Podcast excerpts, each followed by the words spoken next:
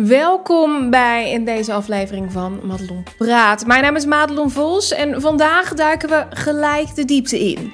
Vorige week behandelden we namelijk de vraag of de inflatie terugkomt en zo ja, in welke mate.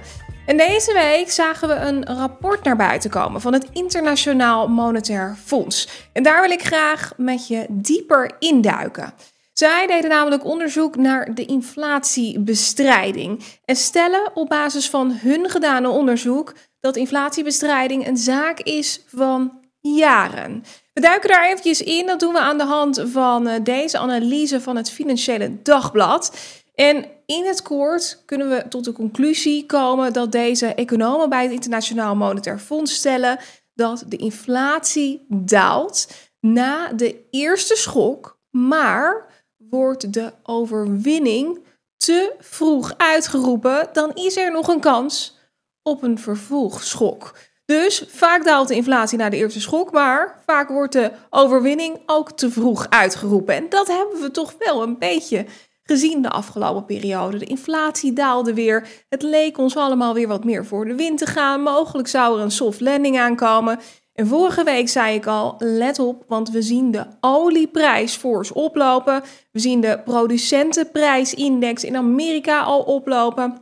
En we weten natuurlijk, de grondstoffen bepalen de producentenprijzen. De producentenprijzen bepalen uiteindelijk de consumentenprijzen. En de consumentenprijzen worden meegenomen in het inflatiemandje en vervolgens in de koopkrachtberekening. En dat is natuurlijk niet één op één, maar je zou wel verbanden kunnen zien als je daar in een vroeg stadium bij bent. Nou, Barclays, grote bank, die becijferde dat er doorgaans 5 à 6 maanden zitten tussen de laatste renteverhoging en een eventuele renteverlaging. En een belangrijk onderdeel van dit onderzoek was ook om te kijken hoeveel procent van die gevallen bleek nou dat de inflatie daadwerkelijk echt onder controle was als de overwinning uitgeroepen werd. En wat hebben ze nou gedaan? Ze hebben een aantal uh, punten, inflatiepieken gepakt. En op basis uh, daarvan hebben ze een bepaalde conclusie gesteld. En in deze is het zo dat ze vanaf 1970 gekeken hebben naar hoeveel van die inflatieschokken uiteindelijk binnen vijf jaar onder controle waren.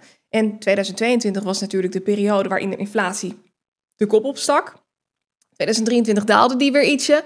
Binnen vijf jaar hebben we het dan dus over. Dus dan zou je nog kunnen zeggen tot pak een beet 2026, 2027 misschien zelfs wel. Als je echt even wat verder rekt gedurende een heel jaar. Dus dan zijn we er nog lang niet. Maar als je uitgaat van binnen die vijf jaar, dan stelt men dat in minder dan 60% van de gevallen dat daadwerkelijk plaatsvond. En dan denk je, nou oké, 60% is toch net iets meer dan de helft dat het goed ging binnen vijf jaar. Maar er wordt ook gekeken naar een scenario die heel erg lijkt op, dat, op die inflatiepiek die we eigenlijk de afgelopen periode gezien hebben in 2022. Zij keken naar meer dan 100 inflatiepieken. En die IMF-specialisten die stellen dus dat de tijdvak van 1973 tot 1979 gelijkenissen heeft met de huidige tijd. En toen lag die score nog lager dan 50%. Dus hè, als we even een conclusie hier aan hangen, is er toch een aanzienlijke kans dat als we dat jaren 70 scenario opnieuw herleven. En die kans is heel erg groot, want dat zeggen deze analisten ook. We hebben te maken gehad met lockdowns. We hebben de inval van Rusland in Oekraïne uh, gezien. En die karakteristieken lijken heel erg op de effecten die, die we hebben gezien in de jaren 70, ten tijde van de oliecrisis, ook vorige week besproken. Maar als je dat dus samenvat, dan is er dus een aanzienlijke kans dat ook binnen vijf jaar die inflatie niet weg is. En in de landen waar inflatie wel binnen vijf jaar onder controle was, duurde het gemiddeld drie jaar voordat de strijd daadwerkelijk echt gewonnen was. En we zitten nu nog maar in het tweede jaar. En in 90% van die gevallen was er ook weer na vijf jaar opnieuw een inflatieprobleem. En daalde de inflatie binnen die eerste drie jaar na de schok, dan bleef die inflatie in vrijwel alle gevallen boven die doelstelling van in de meeste gevallen 2% inflatie hangen en kwam de inflatie zelfs weer terug. Dus de overwinning die wordt vaak veel te vroeg uitgeroepen. Dat is eigenlijk hè, de, de, de, uh, basis van dit onderzoek. En een dalende energieprijs drukt nu opnieuw het inflatiecijfer. En daardoor verhult het die hardnekkig onderliggende geldontwaarding. En we hebben natuurlijk ook hè, die loonprijsspiraal meermaals besproken. Dus eigenlijk laat dit rapport een soort duidelijke basis zien van de onderbouwing die telkens opgevoerd is door onze analyses. Waarbij je dus kijkt naar wat er daadwerkelijk in de reële economie gebeurt en wat het gevolg daarvan is en hoe daardoor de centrale bank op gereageerd wordt, hoe daarover gesproken wordt door centraal bankiers. En dan zie je dus nu wel dat we er nog helemaal niet zijn. Sterker nog, die pijn van die renteverhogingen, die moet nog komen. En dan is er nog één belangrijke andere factor die het IMF aanstipte in dit onderzoek en dat is de geldgroei. En de geldgroei die werd tot voor kort nooit aangegrepen als reden van inflatie. Maar bij deze wordt er dus wel gesteld dat die geldgroei een rol heeft gespeeld in het bestrijden van inflatie. Snap je hem nog? De landen die succesvol waren, daar zagen ze een daling van de geldgroei. En de landen die niet succesvol waren in het bestrijden van inflatie binnen dus die vijf jaar en, daarna, die uh, zagen juist een toename van de geldgroei. En in deze is er dus wel degelijk een koppeling geweest tussen die geldgroei en tussen de inflatie. En dat uit de mond van het Internationaal Monetair Fonds.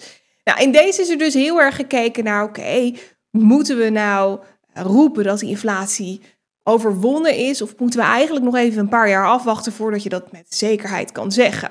En wat hier uit dit onderzoek in mijn optiek blijkt, is dat de inflatie zeker nog niet achter de rug is. En dat het echt nog geen gelopen race is. En dat ziet het Internationaal Monetair Fonds dus ook heel duidelijk. Ze hebben dat op een hele mooie manier proberen te communiceren. En zoals die bank Barclays al becijferde, zagen we dus dat er doorgaans vijf à zes maanden tussen zit voordat er na renteverhogingen weer renteverlagingen plaatsvinden. En afgelopen weken hebben we de Federal Reserve gezien en de Europese Centrale Bank gezien, die opnieuw met deze inflatieperikelen aan het struggelen waren. De wet heeft besloten om de rente gelijk te houden, daar waar de Europese Centrale Bank besloot om de rente te verhogen. Wat zagen we nou terug? Beleggers die maken zich steeds meer zorgen dat centrale banken harder en vooral langer op de rem zullen moeten trappen om die inflatie weer onder de duim te krijgen. En ze deden dus afgelopen donderdag massaal afstand van hun staatsobligaties. En wat zagen we vervolgens? De rente op de Nederlandse staatsobligaties die steeg fors. Naar niveaus die we in geen jaren meer gezien hebben. We zagen zelfs de lange 10-jaarsrente een top bereiken op 3,11 procent. En dat is het hoogste niveau sinds 2011. En daar doen we nog even een stapje bovenop, want effectief rendement op de 20-jarige staatsleiding, die tikt dezelfde 3,34% aan. En daarmee tikte die het hoogste niveau sinds september 2008 aan. Dus we zien wel dat die perikelen die we nu zien omtrent de inflatie, omtrent de inflatiebestrijding vanuit de centrale bank, beleggers onzeker maken, de kapitaalmarktrente dus doen laten verhogen. En die kapitaalmarktrente wordt natuurlijk deels gebruikt om de hypotheekrente vervolgens weer op te baseren. En die hypotheekrente komen we zo op terug, want daar gebeuren me toch vreemde dingen als we het hebben over de huizenprijzen. We gaan even die huizenprijs vergelijken in Nederland en Duitsland. We gaan even de grafieken erbij pakken, want het is zeer interessant. Dat kan ik je alvast uh, vertellen. Maar eerst kijken we even naar die inflatie. Want concreet bezien, zoals ik zojuist al zei, weten we dat er toch in de grondstofprijzen, eigenlijk het stapje voor de producentenprijzen, weer wat begint te rommelen. In 1970 hadden we natuurlijk de oliecrisis, zoals we vorige week bespraken. Nu hebben we een tekort aan grondstoffen. We zien tegelijkertijd dat er bepaalde uh, landen zijn die nieuwe regels instellen. Ga ik je zo ook meer over vertellen. Maar wat het belangrijkste is, vorige week bespraken we toen Christine Lagarde haar toespraak gaf over het verhogen van de rente met 0,25 procent dat de olieprijs fors omhoog liep. Toen al rond de 90 dollar per vat olie. En inmiddels begint die olieprijs rustig gaan op te kruipen richting de 100 dollar per vat. We komen nu uit op ongeveer 94 dollar, maar die olieprijs die blijft dus stijgen. En dat heeft onder andere te maken met de hoge vraag en de productiebeperkingen. Dus een hogere vraag en een lager aanbod resulteert tezamen dubbelop aan de demand side, aan de supply side voor hogere prijzen. En dit kan ook een gevaar zijn voor het terugdringen van de inflatie, wordt er hier gesteld in dit artikel van het Financiële Dagblad. Dus dit betekent dat er mogelijk een kink in de kabel komt. En hier hebben we het vorige week uitgebreid over gehad. En om hier dan nog even een schepje bovenop te doen, heeft Rusland ook nog besloten om brandstof niet meer zomaar te exporteren. Ze kiezen er zelfs voor om met een tijdelijke ban te komen naar vele landen. Persbureau Reuters rapporteerde het volgende: Russia temporarily bans fuel exports to most countries in response to shortage. Dus Rusland zit met tekorten. Ze kiezen ervoor om de meeste landen niet meer te voorzien van brandstof. Maar lees je eventjes verder, dan lees je dat er staat dat fuel export ban does not apply to Moscow-led Economic Union. Dus de economische unie van uh, Moskou, dus eigenlijk Rusland, daar geldt het niet voor. Maar in de kop staat wel dat het voor de meeste landen geldt. Um, dit betekent dat er vanuit macro-economisch perspectief gewoon een tekort aan de aanbodkant komt. Dus wat kun je verwachten? Hogere prijzen aan de pomp. In ieder geval tijdelijk. En alsof we er dan nog niet genoeg schepjes bovenop gedaan hebben. Als we het dus hebben over de brandstof, weten we dat daar het aanbod minder wordt. Als we het hebben over olie, weten we dat de vraag hoog is en blijft en tegelijkertijd het aanbod minder wordt. En kunnen we ook nog eventjes gas aan dit lijstje toevoegen. Want alleen al gebaseerd op de hogere belastingen voor 2024 weten we dat de prijs voor de energienota gemiddeld met 90 euro per jaar omhoog gaat. De energiebelasting stijgt namelijk in 2024 met 19% En volgens de directeur van gaslicht.com, eh, Ben Woldering, zou het gas onbetaalbaar worden door fors hogere belastingen. Dat tezamen maakt dus grondstoffen enorm prijzig. En als we weten dat grondstoffen verwerkt worden in onze producten, dat producenten daarmee aan de slag moeten en vervolgens de consument die producten weer moeten gaan kopen, dan kan ik niet tot een andere conclusie komen dan dat dat uiteindelijk in de consumentenprijzen verwerkt wordt en vervolgens dus ook in ons inflatiemandje. En dat terwijl de gestegen prijzen er nu al fors inhakken. 1 op de 5 Nederlanders kan net rondkomen schrijft RTL Nieuws. Ja, en dan denk je nu misschien, Madelon, was dit het nou met die prijsstijgingen? Of heb je ook nog eens iets positiefs te melden? Nou, ik wil heel even met je kijken naar dit artikel van de Telegraaf, want zij stellen het volgende. Huizenprijzen stijgen weer. De markt is volop in beweging. Voor de derde maand op rij zijn de prijzen van bestaande koopwoningen gestegen. Makelaars die melden aan de Telegraaf dat ook het aantal bezichtigingen toeneemt, terwijl verkopers vaker meer dan de vraagprijs betalen. En we kijken eventjes naar wat dat daadwerkelijk inhoudt. Want momenteel wordt er in 42% van de gevallen overboden. En dat is het hoogste percentage sinds september vorig jaar. En afgelopen december zagen we nog dat slechts in 10% van de gevallen er overboden werd. En sindsdien hebben we een aantal belangrijke bewegingen gezien. We weten natuurlijk dat de lonen fors gestegen zijn en tegelijkertijd ook dat de hypotheekrente enigszins gestabiliseerd is. En hierdoor zouden, zo meldt de Telegraaf, starters en doorstromers weer durven overbieden. Dus er is meer loon beschikbaar om een hypotheek voor te krijgen. Dus ze kunnen een hoger leenbedrag krijgen, ondanks dat die rente een beetje uh, uh, ervoor zorgde dat het leenbedrag, de totale leensom, gedaald is. Vervolgens zagen de hypotheekrente stabiliseren. En nu vraag je je wellicht af, uh, Madelon, ik wil hier iets meer uitleg bij, want alles leuk en aardig, maar de Europese Centrale Bank heeft natuurlijk die rente wel verhoogd. Hoe komt dat dan? Ik ga ook met je naar de toekomst kijken, want hier zit het addertje onder het gras. We hebben het natuurlijk gehad over die kapitaalmarktrente. En ik heb je zojuist het nieuwtje laten zien over de lange rente, die voor het eerst sinds juli 2011 weer naar het hoogste niveau gestegen is. En de tweejarige staatslening zelfs op het hoogste niveau sinds 2008 staat, september 2008. Die lange rente is de rente van de kapitaalmarkt, de kapitaalmarktrente. En die was dus in 12 jaar tijd nog niet eerder zo hoog. Die kapitaalmarktrente is de rente op basis waarvan financiers, dus bijvoorbeeld banken of hypotheekverstrekkers, hun rente op baseren. Dus de hypotheekrente is gebaseerd op de kapitaalmarktrente plus een kleine cap. En die kapitaalmarktrente die wordt beïnvloed door de beleidsrente vanuit de Europese Centrale Bank, maar ook door de inflatieverwachting. En wat gebeurde er nou afgelopen jaar? Die rente die bleef verhoogd worden, maar op een gegeven moment zagen beleggers in dat die inflatie wel eens zou kunnen gaan dalen.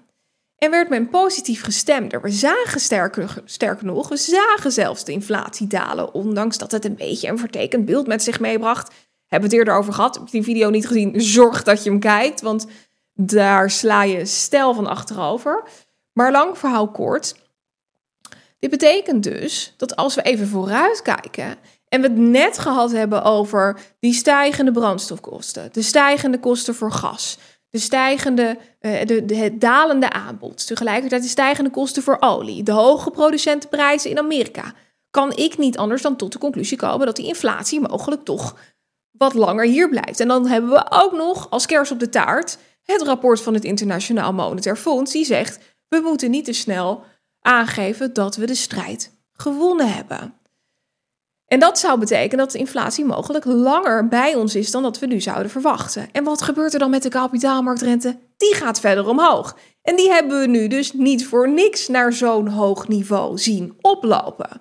Dus lang verhaal kort, als je even een beetje verder vooruit kijkt en uitkijkt over die loonstijgingen heen, over de schaarste heen, want daar komen we zo ook nog even op. Die schaarste die wordt wel weer een stukje groter, maar stel dat je daar overheen kijkt en het dus meeneemt, dan zou dit mogelijk een nieuwe daling tot gevolg kunnen hebben. En ik zeg nieuwe, want ik ga je zo meteen een grafiek laten zien over de enorme daling, die, of de enorme stijging die dit is geweest. Um, maar eerst nog heel even kort over uh, het feit dat er een lager aanbod is. We zien dat de problemen die we bijvoorbeeld in, uh, in China op de vastgoedmarkt gezien hebben, dat die ook een beetje terugkomen in Nederland. Dat heeft uh, onder andere te maken door de uh, beleidsvoering omtrent de bouw, maar ook door de hoge rente en de lagere vraag naar nieuwbouwwoningen. We zagen afgelopen week dat vastgoedbedrijf uh, Certitudo, ik moet het even goed uitspreken, dat die failliet verklaard is. En dat is een vastgoedbedrijf die bezig was met de bouw van 1600 woningen in Amsterdam Zuidoost. En het Financieel Dagblad kopte dat het omvallen van dit vastgoedbedrijf meer woningprojecten in gevaar brengt. Dus dat zorgt wel voor een lager aanbod van nieuwbouwwoningen of nieuwe projecten. En dat is dan toch niet geheel prettig als we kijken naar vraag en aanbod. En dan zou je dus kunnen stellen dat die prijzen mogelijk dat er nog wat rek in zit. Maar alles valt of staat uiteindelijk bij de leenruimte van de koper. Dus de lonen moeten meestijgen, de inflatie die moet omlaag, de rente mag lekker omlaag. En dan pas zie je dat die prijzen weer fors gaan toenemen. En ik wil je heel even meenemen naar die grafiek. Want als je die kop van de Telegraaf ziet, uh, uh, waarin zij dus stellen: de huizenprijzen stijgen weer, de markt is vol in beweging, dan denk je: oké, we hebben een omslag te pakken. En dan kijk je naar de grafiek en dan denk je: ja, dat valt eigenlijk wel reuze mee. En mocht je dit nu aan het luisteren zijn, dan vertel ik je graag even wat we hier zien op de grafiek. We zien een grafiek van september 2022 tot juli 2023. En we gaan er eventjes vanuit dat in 2015 de huizenprijzen op nul gezet zijn. En dan kun je zeggen, we pakken daarvoor het nummer 100. En vervolgens liepen de huizenprijzen op eh, met stijgende en dalende bewegingen tot een hoogtepunt op, 22, uh, op september 2022 van uh, eh, 188 punten afgerond naar boven. Als we vervolgens kijken naar waar het dieptepunt lag tot aan juli 2023, dan was dat in mei van 2023. Het dieptepunt lag dus in mei. We zitten nu in september. Mei 2023 zagen we 177,6, dus 178, 10 punten lager. Afgerond, opnieuw afgerond. En vervolgens zien we dat van 177,6 de huizenprijzen gestegen zijn naar 178 en vervolgens naar 178,9. Snap je nu een beetje de verhouding? Dus hè, als we deze verhoudingen een klein beetje in perspectief plaatsen, dan hebben we te maken met een hele, hele, hele lichte daling. En kijken we nou even naar Duitsland, dan zien we dat daar een heel ander beeld, staat, een eh, heel ander beeld uh, ontstaat. En ik wil graag ook even met je naar die grafiek kijken. Maar eerst lees ik de kop eventjes voor. De huizenprijzen in Duitsland die dalen harder dan ooit. En dan vraag je je gelijk af, hoe kan dat? Wat is hier aan de hand?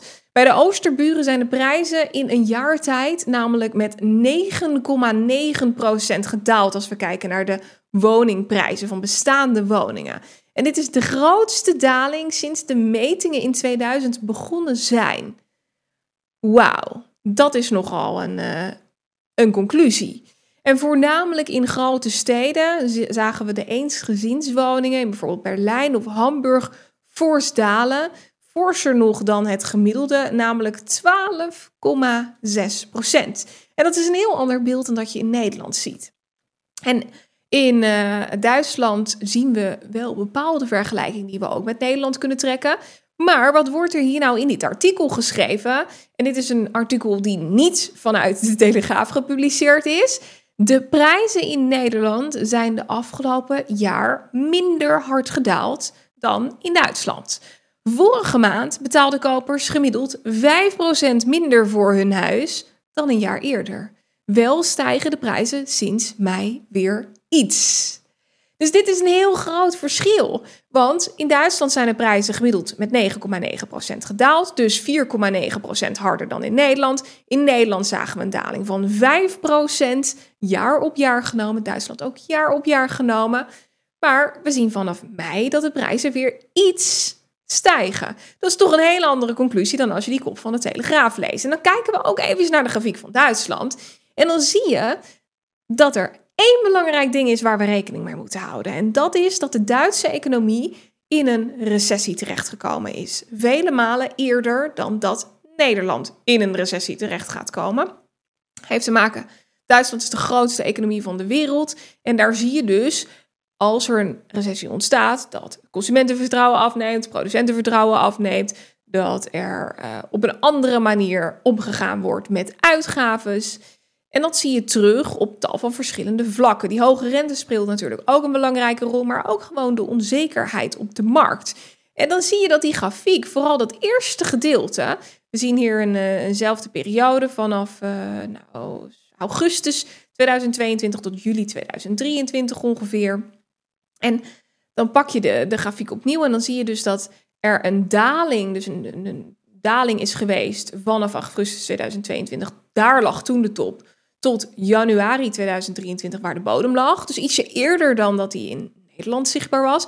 Vervolgens liep die weer 1, 2, nou ja, twee, twee maanden eigenlijk op. Twee, bijna drie maanden eigenlijk op. En daarna zagen we weer opnieuw een daling vanaf het moment dat de recessie een feit was. Dus dit is een zeer interessante conclusie. En ik wil je ook nog heel even terugbrengen naar eh, de grafiek eh, van Nederland. En dan heel even op de lange termijn 25 jaar. En dan zien we ook dat we vaker gedurende die 25 jaar, als we die uh, eh, 2015 als 100 punten pakken, dan komen we eigenlijk vanuit, uh, nou pak een beetje jaren 2000 vanaf 80 punten. Vervolgens gingen we omhoog naar 120 in uh, eh, 2008 ongeveer. wat zeg ik? Ja, 2008 ongeveer. En vervolgens een daling tot aan 2013 richting die 100 punten, ietsje, ietsje minder in 95 ongeveer. Vervolgens weer omhoog richting die piek van die 188. En daarna zien we een daling, een hele kleine stijging. Maar je ziet al wel op die lange termijn trend hoe weinig dat eigenlijk zegt. En we weten dat Duitsland een hele grote handelspartner is van Nederland. 40 procent uh, uh, wordt er verhandeld tussen Duitsland en Nederland van het bruto binnenlands product. Dus dat zegt nogal wat. En het interessante in deze is dus dat we mogelijk zouden kunnen concluderen dat als we de inflatie meenemen, de inflatieverwachtingen, als we meenemen dat die producentenprijs mogelijk verder gaan stijgen, de consumentenprijs mogelijk verder gaan stijgen, dat de ECB nog niet klaar is met hun beleid. En dan heb ik het niet over het verhogen van de rente, maar de andere tools die ze mogelijk kunnen gaan inzetten. Dat gaat dus over de hoeveelheid geld die in de economie terechtkomt. En dat is een belangrijke factor. Gaan we, gaan we zo dieper in. Maar dan zou je toch tot de conclusie kunnen komen dat dat geroep vanuit de Telegraaf, dat dat misschien niet helemaal. Ze hebben wel echt topanalisten op titels, moet ik heel eerlijk zeggen. Soms denk ik wel eens, oh, had ik maar zo'n analist op titels gehad. Want uh, je klikt er wel degelijk op. En uh, dat is natuurlijk ook wat we met deze video's doen. Ik krijg daar wel eens, uh, krijg daar wel eens commentaar op. Het is de bedoeling dat op basis van een titel je denkt, oh, daar klik ik op. En vervolgens lees je of luister je of kijk je. En dan denk je, oh, het ligt toch wat genuanceerd. Ik ben blij dat ik dit gelezen heb, want hier kan ik dan wat mee. En vaak hè, bij dit soort stukken is het zo dat het fijn is om even wat meerdere bronnen uh, te, te, te, raadplegen. Want één bron is geen bron. Je ziet ook vaak dat het een en ander overgetypt wordt. Ik heb ooit zelf meegemaakt hoe dat, uh, hoe dat verloopt. Als er één partij is die iets opschrijft wat niet helemaal klopt. En vervolgens de andere partij dat overneemt, dan wordt er allemaal naar elkaar gewezen. Nou, dus het is altijd goed om de basis van de bron hè, eventjes te raadplegen. En uh, in deze hebben we dat rapport van het IMF natuurlijk gezien en heeft het FD het heel mooi samengevat voor ons. En uh, weet je dus ook uh, op basis van die rapporten of dat daadwerkelijk onderliggend ook correct is. Vorige week hadden we ook zo'n rapport, ook eventjes weer, hè, was de toespraak van Christine Lagarde, even terug naar dat rapport en vervolgens weer in het normaal Nederlands vertaald. Nou, we kijken ook nog even naar Duitsland, want daar gebeurde ook wat interessant. We hadden het er net al even kort over. Duitsland die heeft te maken met economische, nou ja, laten we zeggen, een beetje economische tegenwind. En er wordt hier op CNBC geschreven over behoorlijk wat challenges. En dan hebben we het over de manufacturing sector, over de opening, opnieuw opengaan van China naar, naar aanleiding van de lockdowns, natuurlijk lang dicht geweest. En de hogere energiekosten. En dit zorgt ervoor dat de grootste economie van Europa in die recessie terechtgekomen is. En we zagen dat de Bundesbank een rapport hierover publiceerde. En zij gaven aan dat de economie een grote kans had om verder te krimpen in dit kwartaal waar we ons nu in bevinden. Dit is het derde kwartaal. En dat had onder andere eh, te maken met een lagere consumptie vanuit de burger. En uh, dat de industrie dus een beetje nou ja, wat tegenwind kreeg. En als gevolg daarvan zagen we dat Goldman Sachs er nog even een schepje bovenop deed. Want die zeiden, nou, dit kan wel eens global headwinds. Die kunnen wel eens richting, richting Duitsland gaan blazen. Want hier is het laatste nog niet over gezegd. Houd daar dus vooral rekening mee. En dan vraag je af, waarom is er dan niet iets positiefs? En dat is misschien wel even goed om te benadrukken. Ik vind macro-economie ontzettend interessant. Dit is mijn, mijn vak, mijn hobby, mijn passie. Ik besteed hier zo ongelooflijk veel uur in de week aan. En ik deel dit graag met je, omdat ik het heel erg interessant vind. En eh, kijkend naar de economische data kom ik tot bepaalde conclusies die niet altijd even rooskleurig zijn. En um, natuurlijk zijn er altijd en overal kansen. Laat ik dat vooropstellen. Ik ben niet voor niks ondernemer. Uh, dat maakt ook dat je altijd overal kansen en mogelijkheden ziet. Uh, mocht dat niet in Nederland zijn, dan kan dat wel in andere landen zijn. Dan kan het op verschillende markten zijn. Dat, dat, dat, Zelfs in een neerwaartse markt zijn er kansen. Uh, denk onder andere aan de horecabranche die in zwaar weer zat. Dan kun je weer op een andere manier dat gaan vormgeven. Er zijn altijd, altijd positiviteit tussendoor. Maar mijn vak is macro-economie. En laat dat dan nu net eventjes een spannende periode zijn. Maar wel een hele interessante periode. Het feit dat je doorhebt dat je hier middenin zit. Dat er een storm waait en dat je daar zo ver vooruit die verrekijker op kan zetten. Dat we in die auto zitten met Christine Lagarde en Jerome Powell naast elkaar zo achter het stuur. En uh, dat we die berg oprijden. En dat de vraag is of, we, ja, of die economie ergens een. Nou ja, of we met die auto een zachte landing de berg af uh, gaan krijgen. Of dat er ergens links of rechts een afslag genomen wordt die net niet helemaal goed is. En dat zien we dus zien we dus nu voor onze neus afspelen. En dat is een ontzettend interessante gebeurtenis. Maar laten we even teruggaan naar positiviteit. Want De looneisen die beginnen fors toe te nemen. En dat heeft onder andere te maken met het feit dat de inflatie vorig jaar vrij hoog was.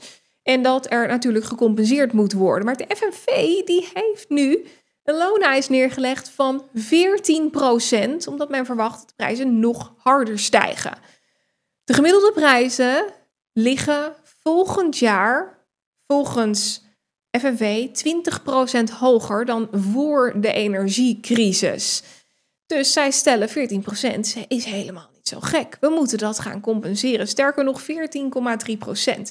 En vanuit mijn eh, macro-economische visie en achtergrondkennis zou ik gelijk zeggen: hmm, als je dat gaat doen, dan weet ik niet helemaal hoe dat, uh, hoe dat gaat aflopen.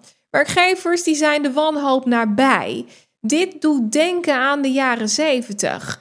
Werkgevers die zeggen, ja, alles leuk en aardig, maar die 14%, waar moeten wij dat in vredesnaam vandaan halen? Als ondernemer zijnde heb je dus te maken met forse loonkosten en loonstijging. Ik zag al een behoorlijk aantal bedrijven eh, voorbij komen die wel een grotere omzet hebben gemaakt afgelopen jaar, maar wel hogere kosten hebben gemaakt, waardoor hun winst dus lager uitkwam. En voornamelijk lagen die kosten in de personeelslasten. En als je dan nu nog die 14% extra, nou ja, je kan wel ervan uitgaan dat als je kosten voor personeel fors toenemen, dat de kosten voor jouw producten of jouw diensten die jij levert, dat die ook mee moeten stijgen, omdat anders de winstmarge dusdanig afneemt dat je bijna niet meer hè, levensvatbaar genoeg bent. En dat terwijl je weet dat in de horeca bijvoorbeeld de marges ontzettend laag zijn.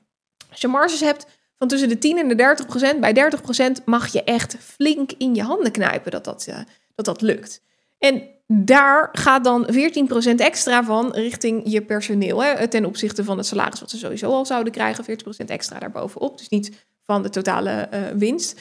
Maar um, ja, je kan je wel indenken dat dat voor de ondernemers aan zich, die ook al te maken krijgen met hogere belastingen, et cetera, et cetera, dat, dat, dat, dat weet je begint te knagen. En daar komt nog een extra stap bovenop. Jaren 70 hadden we trouwens stagflatie. Ook nog belangrijk om te vermelden. Daar spreken we al, nou ja, ik denk al wel anderhalf, twee jaar over.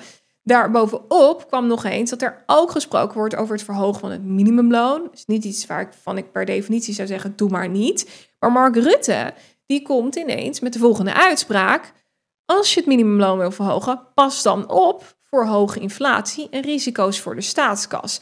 Het is duur, moeilijk te dragen voor de staatskas en kan ook nog eens de hoge inflatie aanwakkeren, is de conclusie van Mark Rutte als de minimumlonen hoger komen te liggen.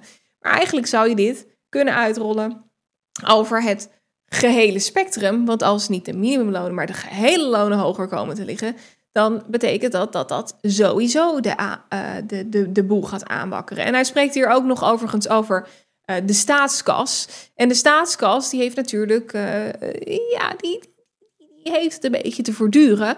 Eurolanden die hebben namelijk beloofd dat ze zuinig om zullen gaan met hun geld.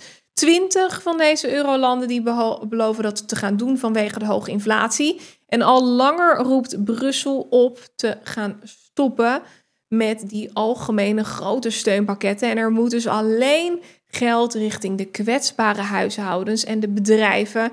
Om ervoor te zorgen dat die nog rond kunnen komen. Die, die kwetsbare bedrijven en die kwetsbare huishoudens. Maar het ding is wel dat het nu niet alleen maar meer de uh, lagere inkomens zijn, maar ook de middeninkomens die geraakt worden door die hoge inflatie, door eigenlijk alles wat er binnen dit complete spectrum nu aan het plaatsvinden is. En we hebben dan ook nog eens te maken met hogere belastingen. Dat zou het woord van dit jaar worden. Belastingen, belastingen, belastingen, bezuinigingen.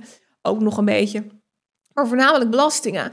En er wordt dan altijd gezegd, ja, we gaan meer geld ophalen bij de hogere inkomens. Maar als je dan heel even naar deze grafiek kijkt van uh, eh, 2020, dan zie je hoeveel geld er verdiend wordt bij de middeninkomens. En uiteindelijk moet dat geld dus gehaald worden uit de middeninkomens. Want die miljarden ga je niet vinden bij de hoge inkomens, omdat er gewoon niet zo heel veel mensen in Nederland zijn met een heel hoog inkomen. Lang verhaal kort, als die lonen dus vervolgens gaan stijgen, zorgt dat voor een hoge inflatie. Dat zorgt ervoor dat iedereen geraakt wordt. We hebben al te maken met bezuinigingen. Die staatskas die staat onder druk. Daar hebben ze ook te maken met hogere rente die betaald moet worden op staatsobligaties. Een steeds groot deel van groter deel van wat er wordt verdiend door de overheid moet strakjes richting het afbetalen van de beleggers uh, met het oog op de rentebetaling van die obligaties.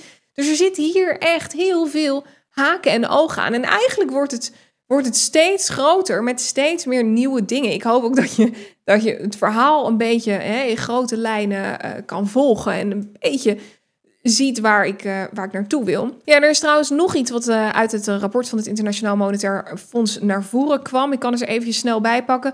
Ook een beheerste loongroei draagt aantoonbaar bij aan het onder controle houden van geldontwaarding. Dus hier heeft Margaret wel enigszins een punt. Je wil niet dat die minimumlonen of dat de gewone lonen te ver meestijgen. Want ook dat zou de inflatie weer negatief kunnen gaan beïnvloeden. Nou, hier is het laatste woord dus echt nog niet over gezegd. En we hadden het net even kort over die staatskas. Ik kan er later wel een keer op ingaan, want we zijn weer behoorlijk lang aan de klets. Maar goed, het is uh, mega interessante materie en alles komt hier, uh, komt hier samen. Maar over uh, de, de staatskas en, en de schulden natuurlijk, de overheidsschulden, zien we dat er in Amerika ook een behoorlijk debat is. Want de nationale schuld van Amerika heeft voor het eerst de 33 biljoen aangetikt. En dat is 11,5 biljoen meer dan vijf jaar geleden. En dat is dus een stijging van 53 procent. Dus er is 53 procent aan extra geld in de economie gekomen sinds toen. En ondanks dat die debt ceiling er dus is geweest, dat die vervolgens weer verhoogd is. En nou ja, goed, je begrijpt hè, wat hier aan de hand is. Ik heb ook even een grafiekje om je te laten zien wat er hier gebeurt. Nou, mocht je nu aan het luisteren zijn, dit is gewoon een, een grafiek die hè, gestaag oploopt, waar je eigenlijk niets tegen kan zeggen. En je ziet wel dat die steeds meer exponentieel gaat lopen, dus dat die steeds wat, wat strakker omhoog gaat, steeds ja, verticaler eigenlijk. En in het begin vooral horizontaler opliep. En dat maakt het debat in Amerika ook wel, uh, ook wel groter. Want de Fed liet in Amerika de rente ongemoeid. En nog niet zo lang geleden zagen we dat er uh, in Amerika banken omvielen als gevolg van de hoge rente. En de Fed heeft nu zoiets van, nou oké, we houden wel de deur open voor de renteverhoging, maar voor nu laten we de rente ongewijzigd om even af te wachten wat de gevolgen zijn van die vertraging van het transmissiemechanisme. Uh, je hebt natuurlijk te maken met een bepaalde tijd waarin die echte pijn nog komt. Ik heb hier eerder een video uh, over gemaakt. Toen zeiden mensen, ja, Ballon, wat een negatieve titel. De echte pijn moet nog komen. Zoiets had ik in de, in de kop staan. En dat is wel daadwerkelijk zo. Want de pijn van het oversluiten van hypotheek, het oversluiten van leningen, uh, vernieuwen van staatsobligaties, dat moet allemaal nog komen. En tegelijkertijd, kijkend naar de inflatie, moet er dus ook nog pijn komen.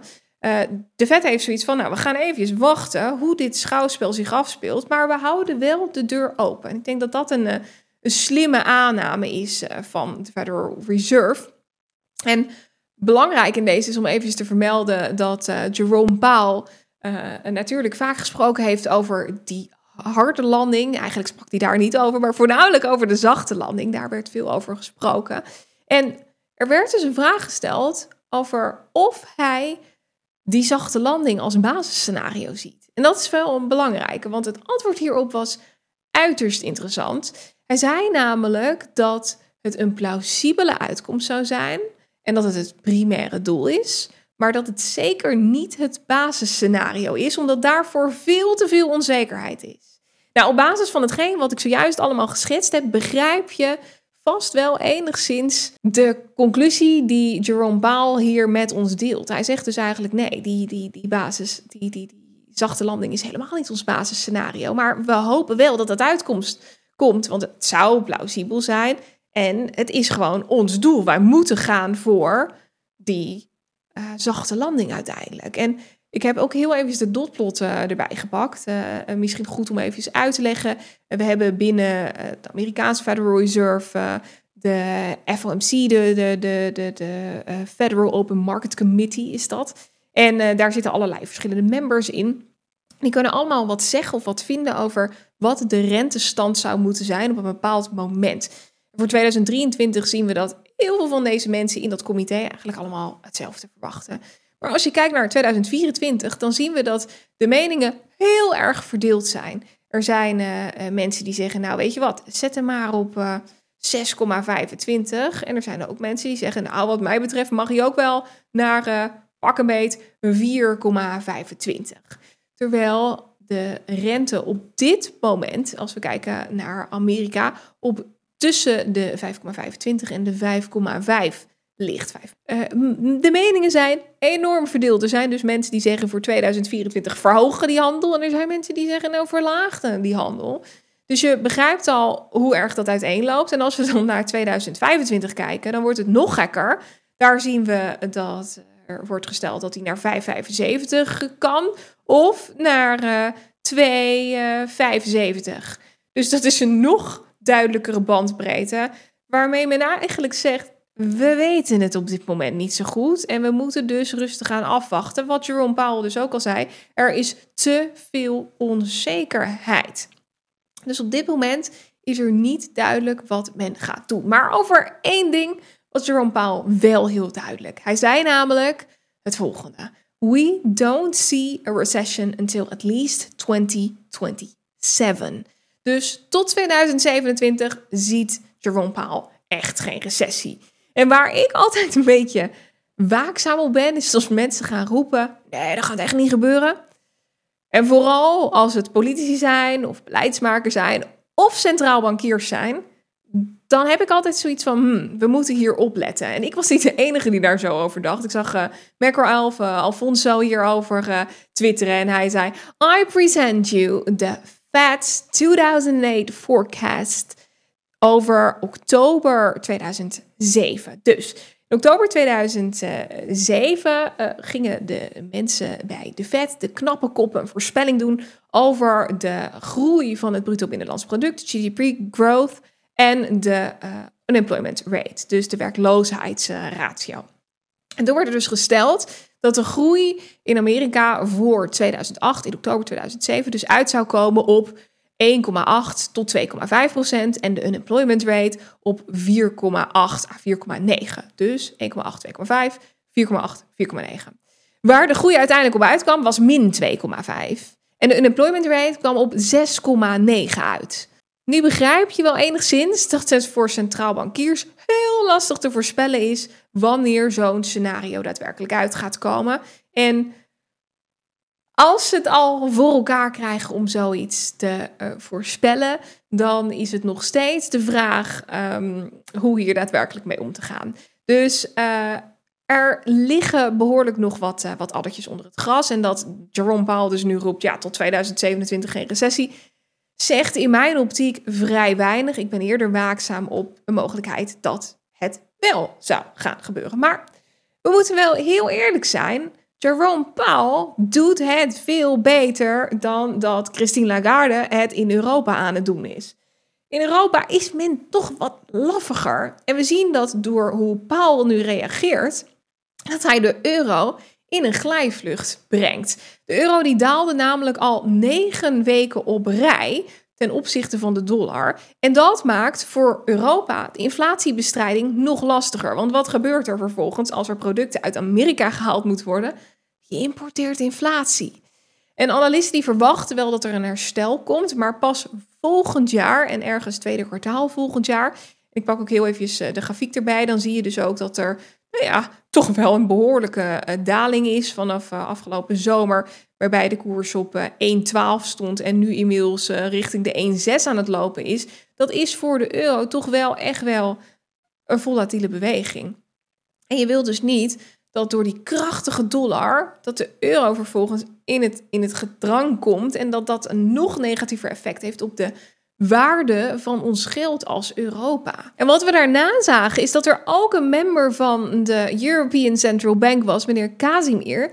En die sprak over iets waar wij twee weken geleden over spraken. En dat is interessant te noemen, want dit gaat over de PEPP en de APP. En hiervan zei ik al, het kan best zijn dat de rente strakjes niet meer verder verhoogd wordt, maar dat men gaat spelen met de opkoopprogramma's die er de afgelopen periode geweest zijn. Je kan het je nog herinneren, Christine Lagarde bij College Tour, waarbij ze zegt, in due course gaan we mogelijk de balans afbouwen. En we weten allemaal, als dat gebeurt, dat dat enorme effecten gaat hebben op de economie, op de economische groei, maar dat dat misschien wel zal moeten voordat andere dingen breken aan de kant van de rente. Nou goed, Even terug naar de uitspraak van meneer Casimir. Die zei: The end of the rate hike opens up the debate on how to adjust the Pandemic Emergency Purchase Program and the APP, de Asset Purchase Program. En de Asset Purchase Program is een uh, breder opkoopprogramma dat al uh, voor de lockdownperiode werd ingesteld, waarbij de Europese Centrale Bank uh, assets opkoopt, activa opkoopt, de liquiditeit in het systeem te verhogen en daarmee dus ook de rentetarieven laag te houden. Dus eigenlijk zou je zeggen, als dat nog steeds speelt, dan uh, ja, is dat nog steeds een stimulerend beleid als er nog opgekocht wordt. Nou, er wordt dus niet effectief opgekocht, maar wel doorgerold met die blijvende obligaties, zoals ik zo net al zei. En we hadden ook nog de Pandemic Emergency Purchase Program. En dat was een noodopkoopprogramma. En daar is veel over te doen geweest. Je kan je misschien nog wel herinneren, gesprekken die ik heb gehad met Madelon Navigeert uh, in de auto met Kees de Kort, die daar heel erg strikt op was. Met dit kunnen we niet uh, uh, krijgen. Met Willem Middelkoop overigens ook besproken. Want dat resulteert in een enorme inflatie. Nou, wat hebben we gezien? Dat gebeurde. Ik kan je trouwens even heel kort vertellen. Je hebt het al best wel lang volgehouden, dus laat ik het gewoon zeggen. We hebben een, een heel tof nieuw format voor je klaarstaan. Um, dat is wat navigeert. En uh, daar gaan we komende weken heel hard uh, mee aan het werk. En ergens de komende periode komt er weer wat uh, online omtrent Madelon navigeert. Met hele toffe gasten, next level content, next level beelden, audio. Het gaat echt heel tof zijn. Maar daarover ga ik je later wat meer vertellen. Maar ik denk, je hebt het al zo lang volgehouden. Dat, dat kan ik wel eventjes tussendoor melden. Um, ik word er eenmaal een beetje ongemakkelijk van. Er zit natuurlijk ook wel uh, ja, wat spanning bij. Het moet uh, helemaal goed gaan. En we gaan echt ervoor zorgen dat we een zo tof mogelijk format neerzetten. Met een, uh, ja, zo content-wise, zo goed mogelijke informatievoorziening. En ik hoop echt dat we daaraan kunnen bijdragen door allerlei slimme mensen samen te brengen. Nou goed, het doel van die uh, Pandemic Emergency Burst Program was om de klap die we toen kregen, om dat enigszins te verzachten. Maar uiteindelijk resulteerde dat in nog meer problemen dan wat die klap in de basis al met zich meebracht. Nou. Lang verhaal kort merk je dat het hele gebeuren wat we net besproken hebben, dat het steeds meer voeten in de aarde begint te krijgen. En dat het steeds groter wordt, dat het voor beleidsbepalers lastig is, dat het voor centraal bankiers lastig is, maar dat het ook gewoon voor analisten zoals ik, ook lastig kan zijn. We zien uh, economen veel praten over deze onderwerpen. Ik denk dat macro-economie nog nooit zo'n groot topic is geweest als nu. En ook monetaire economie nog nooit zo interessant geweest is als uh, deze periode, omdat er juist zoveel naar buiten wordt gebracht. We gaan dit de komende periode natuurlijk nauwlettend in de gaten houden. En dit uh, artikel wil ik toch graag even kort met je delen. Het gaat over de vermogensrendementsheffing. En zoals je misschien wel weet, heeft de Hoge Raad al uh, pak een beet twee jaar geleden bepaald dat de vermogensrendementsheffing in Nederland vanaf 2017 tot 2022 in strijd was met het discriminatieverbod en het eigendomsrecht. En iedereen die in deze periode bezwaar heeft gemaakt tegen hun uh, vermogensrendementsheffing, dus die box 3 heffing, die had recht op een teruggave van het eventueel verkeer, uh, verkeerde, uh, te veel betaalde bedrag. En dit is een, een unicum geweest dat dat heeft plaatsgevonden. En belangrijk is, deze mensen die zeiden van, ja, er wordt berekend dat ik een bepaald hoeveelheid rendement heb gemaakt in percentage, maar dat heb ik helemaal niet gemaakt. Dus ik maak bezwaar. En dat is door de rechter op basis van het discriminatieverbod en op basis van uh, het eigendomsrecht uh, feitelijk gezien toegezegd. Maar er wordt dus nu een hersteloperatie in het leven geroepen om ervoor te zorgen dat de overheid niet te veel geld tekort komt. De manier waarop het ministerie van Financiën dat herstel heeft geregeld, voldoet alleen voor spaarders en niet voor beleggers, stelt nu de advocaat-generaal. En advocaat-generaal die heeft een advies uitgebracht aan de Hoge Raad. En vaak is het zo dat zo'n advies uiteindelijk door de Hoge Raad overgenomen wordt. En dit kan grote gevolgen hebben voor het innen van de vermogensrendementsheffing de komende jaren. Dus wat is nou de conclusie? Uh, de hersteloperatie voor box 3 die is dus in strijd met het discriminatieverbod en het eigendomsrecht. Opnieuw. Dus hier is het laatste woord nog zeker niet over gezegd, want het kan nog steeds gebeuren dat mensen te veel belasting betalen over inkomen dat ze helemaal niet hebben gehad. En ik moet toch wel heel eerlijk zeggen, Nederland wordt wel steeds meer een land waarin je belasting op belasting op belasting op belasting uh, betaalt. Of geld waar je al belasting op betaald hebt. Als ik kijk uh, binnen mijn onderneming hoe ongelooflijk veel, uh, en ik, ik mag absoluut niet klagen, maar hoe ongelooflijk veel regeltjes er zijn om, omtrent belasting. En dat je te maken hebt met tal van verschillende vormen. Als je loon uitkeert, als je dividendbelasting betaalt, als je btw betaalt, als je vennootschapsbelasting betaalt. Vervolgens dan heb je het eindelijk privé en dan moet je vervolgens weer inkomstenbelasting betalen. Het, het, is nogal veel. En als je het dan eindelijk in je bezit hebt, mag je ook nog eens vermogensrendementsbelasting betalen. En ja, ik kan, ik kan niet anders zeggen dan dat dit voor veel mensen een oneerlijk gevoel met zich meebrengt. En helemaal op het moment dat het ook nog ten onrechte gronde is, omdat het geld helemaal niet verdiend is. Dus lang verhaal kort, er is uh, hier opnieuw gesteggel over en wellicht is het uh, verstandig om tegen de tijd dat er belastingaangifte gedaan moet worden aankomende periode opnieuw misschien een bezwaar in te dienen. Maar dat houden we natuurlijk in de gaten en dan vertel ik het je daar, uh, vertel ik je daar meer over, mocht dat tegen die tijd het geval zijn dat dat noodzakelijk zou kunnen zijn. We kijken even terug naar de DCA-sheet, want ik wil graag met je naar de koers van Bitcoin. En ik heb de afgelopen weken vaak voorbij zien komen, Madelon, hoe staat het nou ook alweer met je portefeuille? En ik had een beetje het idee mensen er wel een beetje genoeg van hadden, die DCA-portefeuille. Maar het is zeer interessant om dit er even bij te pakken. Want de laatste keer dat uh, ik de boel geüpdate heb, stond, uh, er eigenlijk een beetje break-even. Maar we hebben natuurlijk een forse daling gezien van de koers van Bitcoin. En inmiddels is de koers alweer een beetje gestegen. Ik pak er eventjes de huidige koers erbij. En dan zien we dat hij op afgerond 26, uh, 5, 7, 8 staat.